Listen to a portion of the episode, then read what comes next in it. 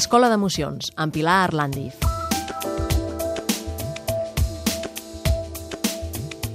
I a l'Escola d'Emocions avui la preocupació. Mm.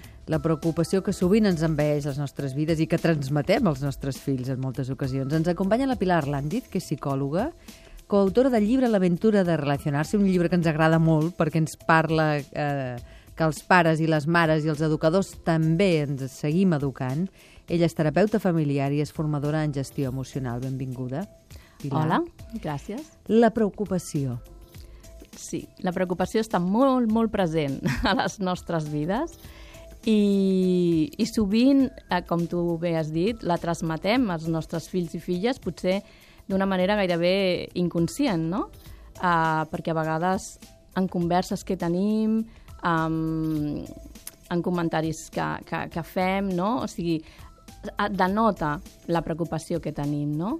Clar, la, la, la preocupació perdó, és una és un sentiment d'intranquil·litat i, a més, és una anticipació del que pot passar, perquè no és el que està passant potser en aquell moment, sinó el que pot arribar a passar, no?, també.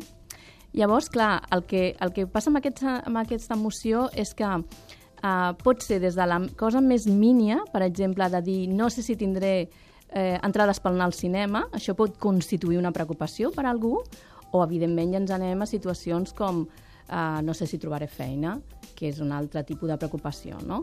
Però uh, a la llarga, aquesta preocupació que potser el podem considerar més, més mínia, més, um, més senzilla, segons la persona, um, això pot constituir i preocupar i arribar a un punt realment d'arribar a angoixar, no? de, que, de que això passi a un altre símptoma molt més fort, no?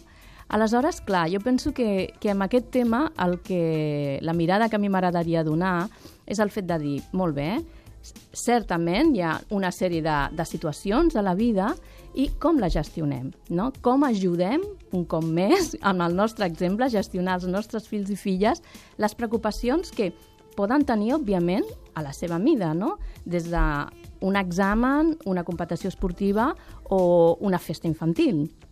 Aleshores, una de les coses que, que també m'agrada assenyalar és el fet d'intentar ocupar-nos d'ella, ocupar-nos del tema que ens preocupa. Perquè, clar, a vegades quan ens preocupem el que fem és espantar-nos molt. Ens comencem a dir tot de coses que el que fan és realment acabar espantant-nos i dient-nos, ai, Déu meu, no? Llavors, el fet està en dir, val, vaig a ocupar-me d'això.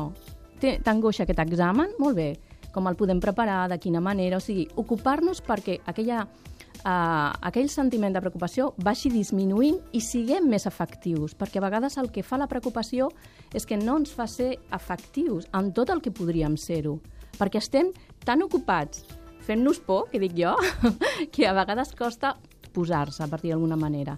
I després uh, és el tema que, que dèiem, no? aquesta anticipació del perill, no? de, que moltes vegades inclús que allò no, no acabarà fent-se mai, però estem uh, fent-nos mal inclús mm, donant-li voltes alguna cosa que sentim i que, i que igual uh, no arriba a passar. ¿vale?